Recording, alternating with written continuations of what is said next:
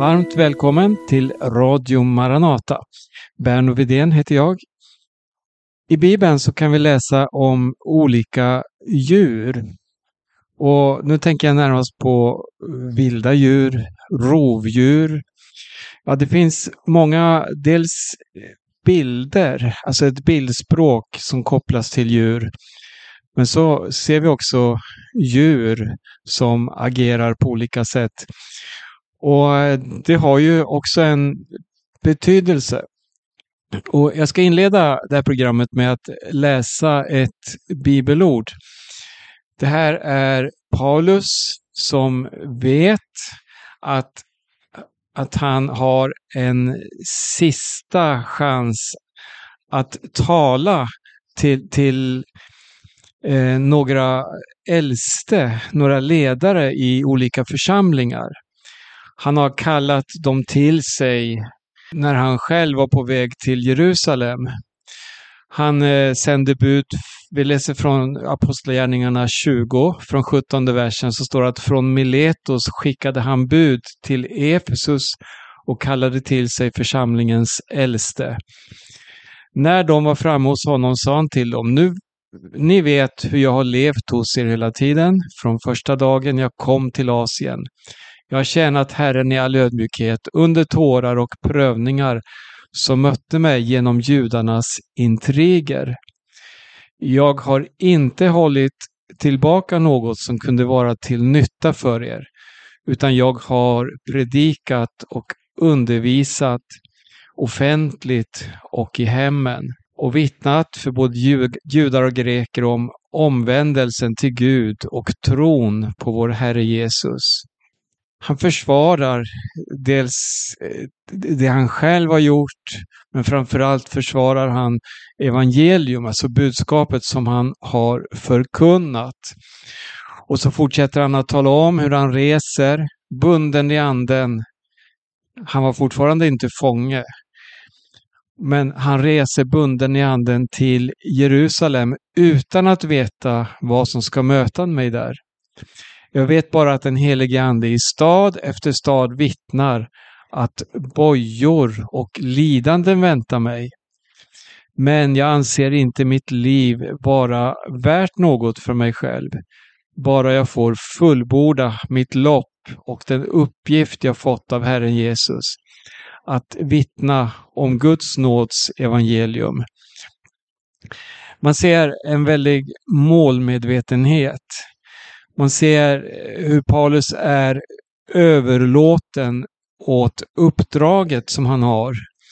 Det prioriteras på alla sätt. Och han eh, döljer inte heller något, utan han talar om lidandet, han talar om förföljelsen, farorna som väntar. Men ändå finns det en inre kraft, en kärlek skulle jag vilja säga, som driver honom. Och det är verkligen ett avsked som äger rum här. Det står i vers 25 att nu vet jag att ni aldrig mer kommer att se mitt ansikte. Alla ni som jag har gått omkring hos och predikat riket för. Och därför betygar jag idag för er att jag inte är skyldig till någons blod, för jag har inte tvekat att förkunna för er hela Guds vilja och plan. Det här budskapet som han lämnar, eller vittnesbördet, det talar om just att det är så oerhört viktigt att vad som än händer, vad som än äger rum, så finns det någonting som alltid bör prioriteras och det är just evangelium. Vi är här på jorden för evangeliet, för att vinna människor för Guds rike. Någon annan orsak för församlingen att finnas på den här jorden, det existerar inte. Utan vi har en uppdragsgivare och han är konung i ett rike som vi är medborgare i. Och det är också förenat med plikter, skulle jag vilja säga. Vi är kallade att vara Jesu lärjungar. Och här går Paulus före som ett eh, föredöme, ett exempel. Och han deklarerar här för de äldste. Och här handlar det om de äldste i, eh, församlingen i Efesus, eller de husförsamlingar som där fanns. Och sen eh, när han har då förklarat här att han inte kommer att möta dem någon fler gång så eh, går han vidare i vers 28 och uppmanar då församlingarna i Efesus. Och tänk nu att det här är sista gången han träffas. Och när man träffar någon och vet att det inte kommer att finnas något fler tillfälle, ja då är man mån om att få fram det viktigaste. Att inte prata strunt, att inte prata om eh, saker runt omkring, utan här var samtalet fokuserat kring det absolut viktigaste. Och vi ska läsa här vad eh, Paulus sa. Det är från vers 28. Då står det så här. Ge akt på er själva och hela den jord där den helige Ande har satt er som ledare till att vara herdar för Guds församling som han har köpt med sitt eget blod. Här förstår vi att det handlar om ett herdeskap. Och då vi lyssnar till Jesu undervisning om en herdes uppgift så står det att en herde ger sina liv för fåren. En herde ställer sig i spetsen, han försvarar. Och här har vi bilder också, eh, exempelvis från herdegossen David, han som sedan blev kung över Israel. Han vittnar om hur han fick vakta fåren och vakta dem och skydda dem ifrån rovdjuren som kom. Och han gjorde det med sitt liv som insats. Och eh, på, på, liknande sätt är det med församlingen. På liknande sätt är det just med de som är köpta med Jesu Kristi blod. Så eh, det är precis det Paulus nämner här. Sen i nästa andetag så eh, säger Paulus så här. Jag vet att när jag lämnat er ska rovlyssna vargar tränga in bland er och de kommer inte att skona jorden. Nu måste vi stanna till lite här. Vad, vad menar Paulus? Talar han om eh, rovdjur? Talar han om vargar ute i naturen? Vargar som eh, anfaller människor? Nej, vi förstår att det handlar om fiender till evangelium. Det står så här i versen som följer. Ja, bland er själva Alltså syskon från församlingen. Bland er själva ska män träda fram som förvränger sanningen för att dra över lärjungarna på sin sida. Var därför vakna och kom ihåg att jag i tre års tid, natt och dag, aldrig har slutat förmana var och en av er under tårar. Det, det, här är ett så gripande eh, vittnesbörd som Paulus ger samtidigt som han förmanar eh, syskonen i församlingen. Var på er vakt. Akta er för varje litet avsteg. För det, de som vill komma och föra in ett annat budskap eller som vill dra er bort, som det står i ett annat sammanhang, från den uppriktiga troheten till Kristus. Var på er vakt när det kommer villoläror. Och då är det så oerhört viktigt att vi har en fast grund att stå på. Att den är väl uppbyggd och som det står i Apostlagärningarna, där vi läser om den urkristna församlingen. Man samlades kring, vi skulle kunna kalla det för pelare i församlingen. Det var kring bibelordet, alltså undervisningen. Det står om apostlarnas undervisning. Det var bönerna. Det var brödsbrytelsen. Det var gemenskapen. Allt det här hjälpte till att hålla villolärarna på avstånd.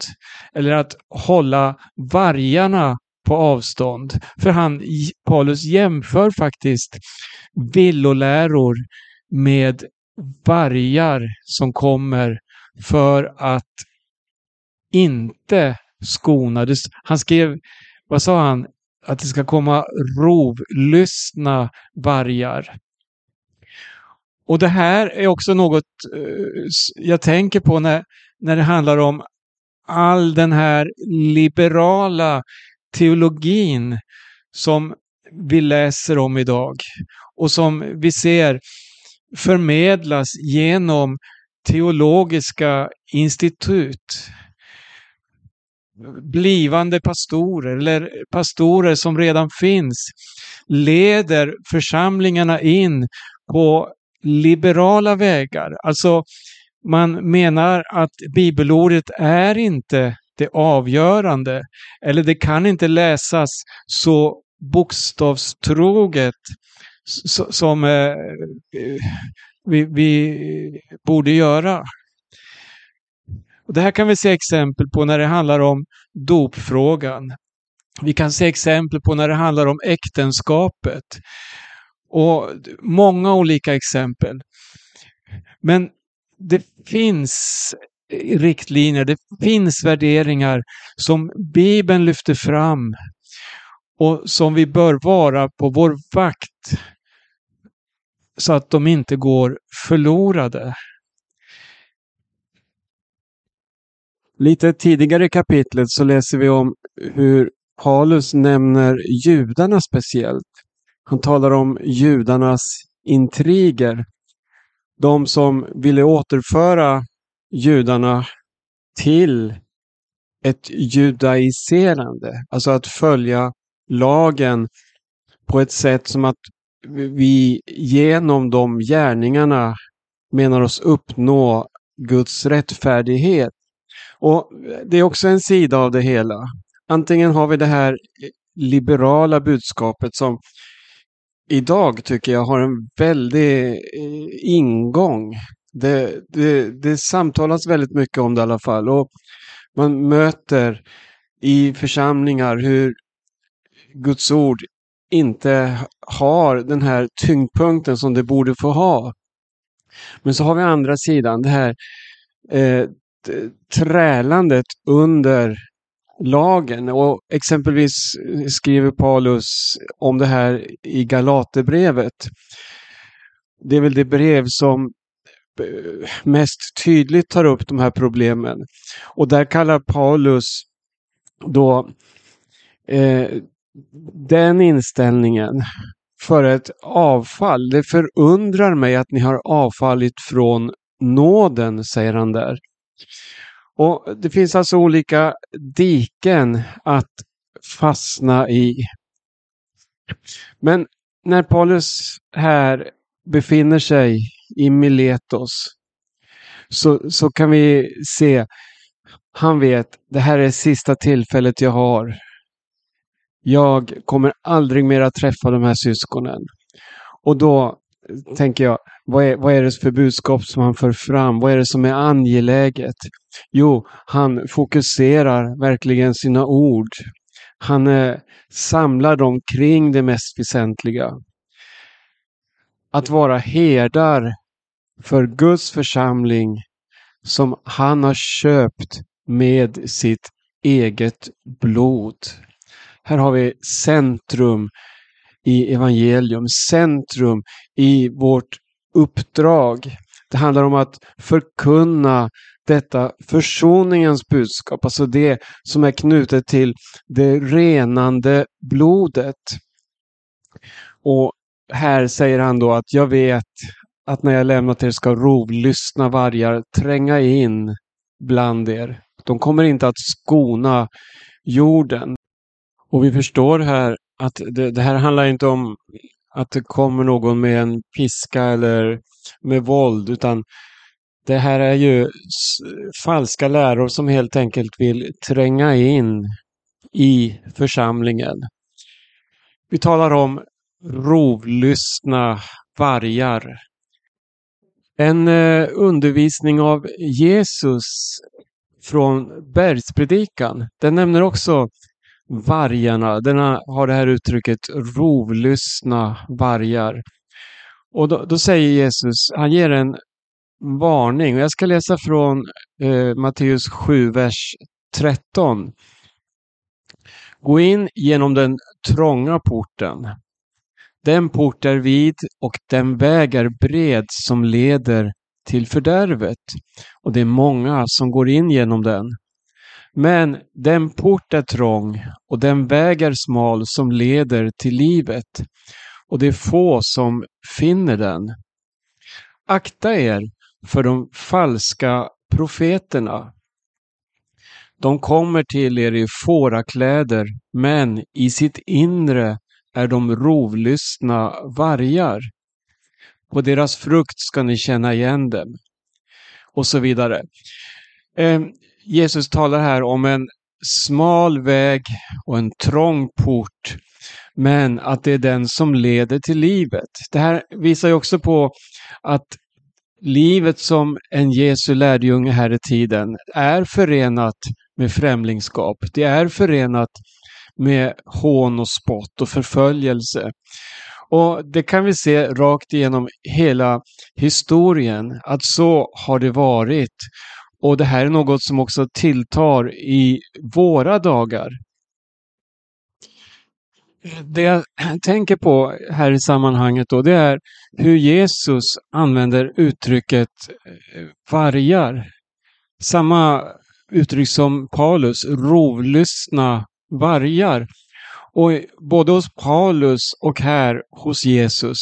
Så eh, det, det känns som att, att, att anklaga någon för att vara en rovlysten varg. Det, det känns diskriminerande, eller det skulle uppfattas diskriminerande. I varje fall i våra dagar, där varje ord ska vägas för att se om det får uttryckas.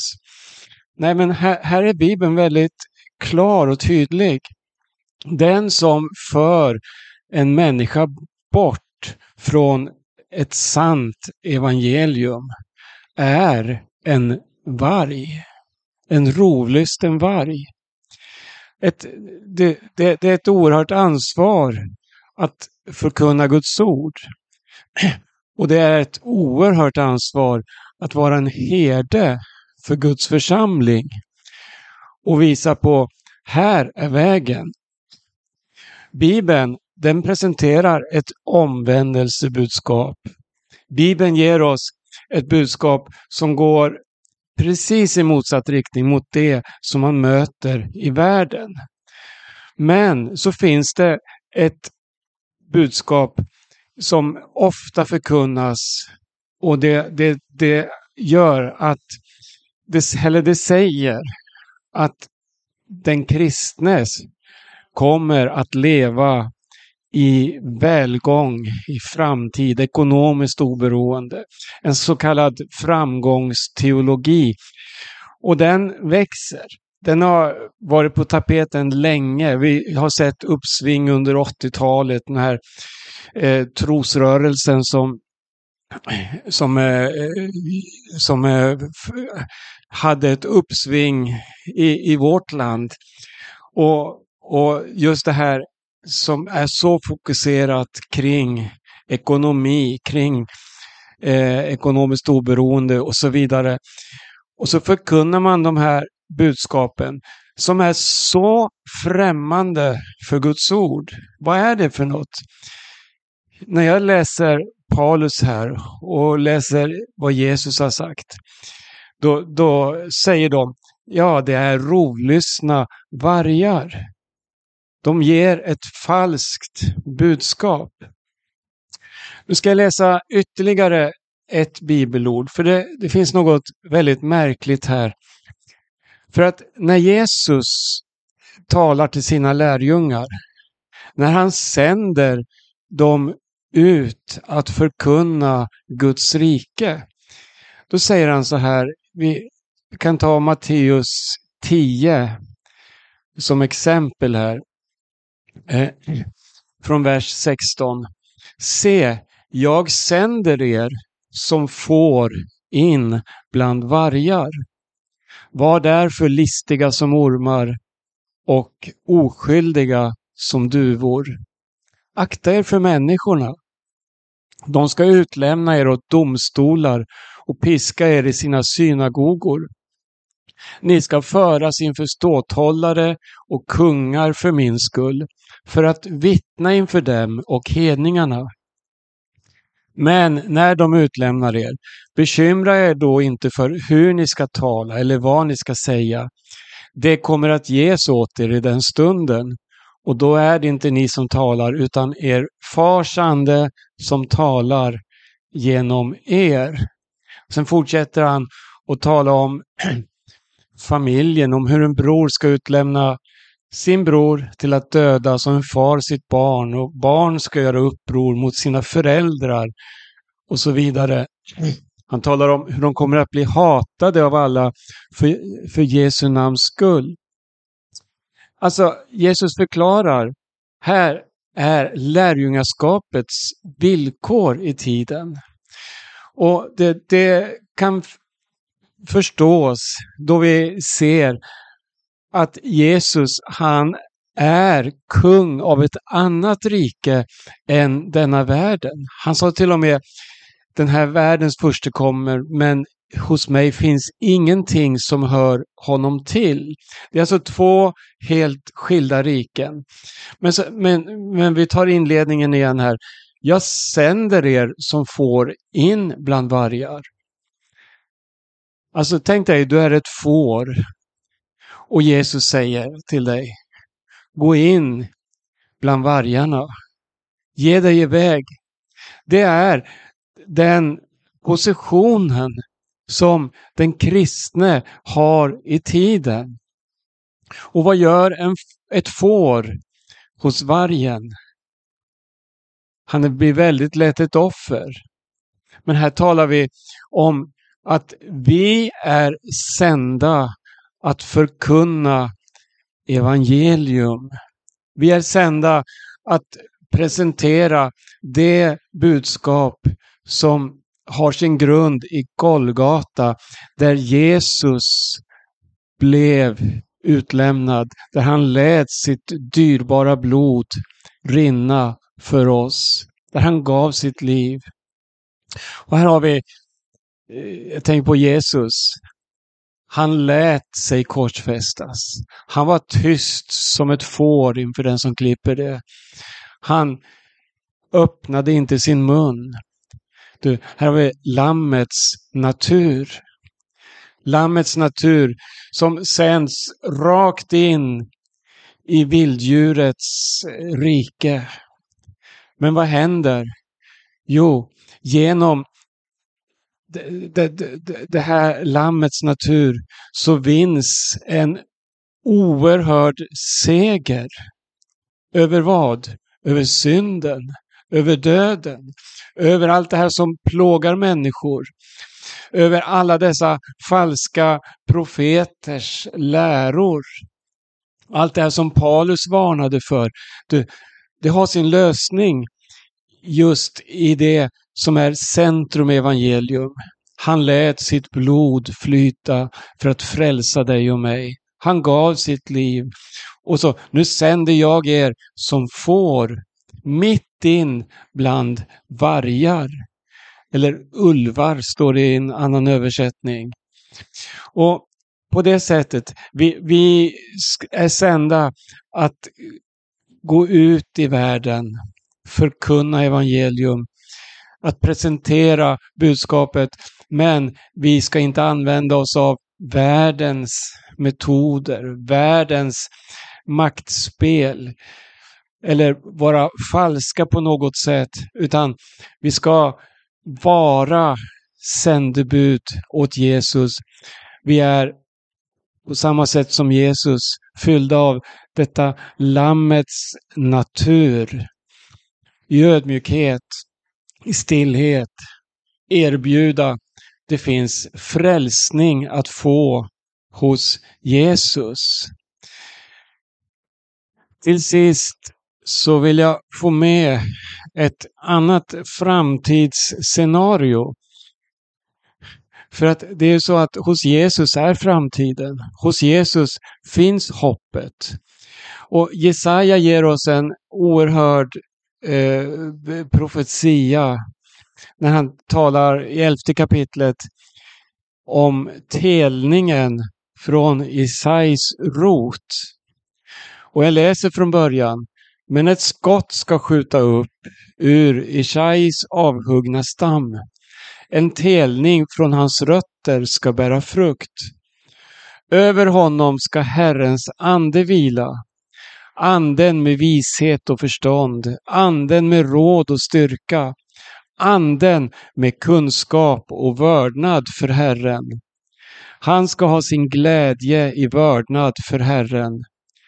Han ska inte döma efter vad ögonen ser eller avgöra efter vad öronen hör, utan han ska döma de fattiga med rättfärdighet och med rättvisa skaffa rätt åt det ödmjuka på jorden. Han ska slå jorden med sin muns stav, döda de ogudaktiga med sina läppars ande. Rättfärdighet ska vara bältet runt hans midja, trofasthet bältet om hans höfter. Vargar ska bo tillsammans med lamm, leoparder ligga bland killingar. Kalvar och unga lejon och gödboskap ska vara tillsammans och en liten pojke ska valla dem. Kor och björnar ska gå och beta, deras ungar ska ligga tillsammans och lejon ska äta halm som oxar. Ett spädbarn ska leka vid huggormens håla. Ett avvant barn räcka ut handen mot giftormens öga. Ingenstans på mitt heliga berg ska man göra något ont eller förstöra något. För landet ska vara fullt av Herrens kunskap, liksom vattnet täcker havet. Här ger oss Jesaja en inblick i en framtid som ser väldigt annorlunda ut.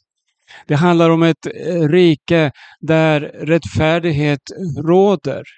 Och då ser vi hur de här rovdjurskrafterna är totalt neutraliserade. Det är som att flytta tillbaka till hur det var på den här jorden innan syndafallet. I skapelsens begynnelse. Där människan fanns tillsammans i full harmoni med hela skapelsen och i umgängelse med Gud, skaparen. Och här läser vi, om vi håller oss till vargen, varg och lamm ska beta tillsammans. Ja, det är ett, ett oerhört perspektiv vi läser här och det handlar om det framtida rike som Gud har i beredskap. Idag så, så säger Bibeln, var på er vakt mot de rovlystna vargarna.